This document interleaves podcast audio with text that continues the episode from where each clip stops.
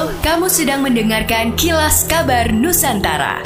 Podcast persembahan KG Radio Network menyajikan berita harian yang mengangkat keunikan dari berbagai wilayah Indonesia. Kilas Kabar Nusantara dapat juga didukung oleh pengiklan loh.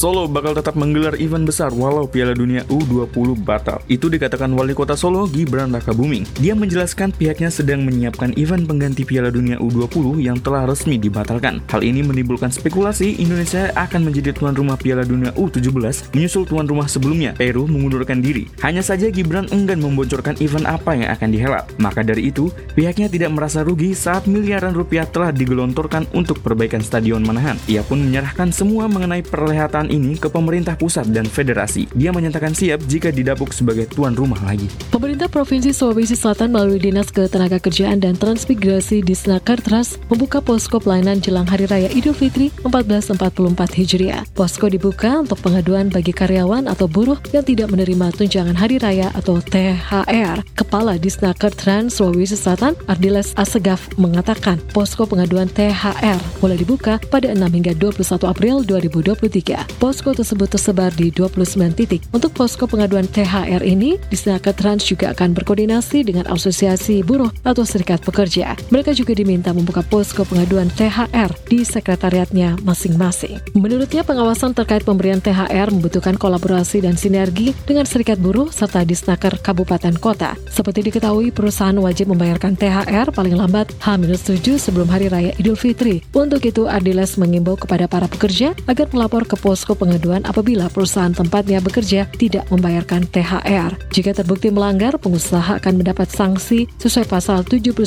PP nomor 36 tahun 2021. Hukumannya berupa teguran tertulis, pembatasan kegiatan usaha, penghentian sementara hingga pembekuan izin usaha.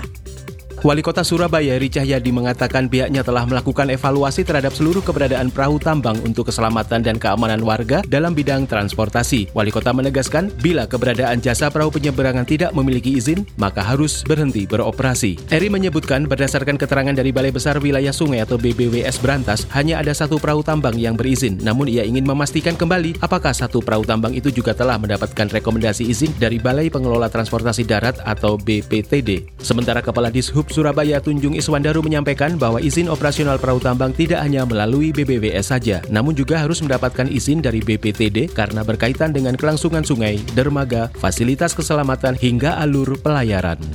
Demikianlah kilas kabar Nusantara pagi ini.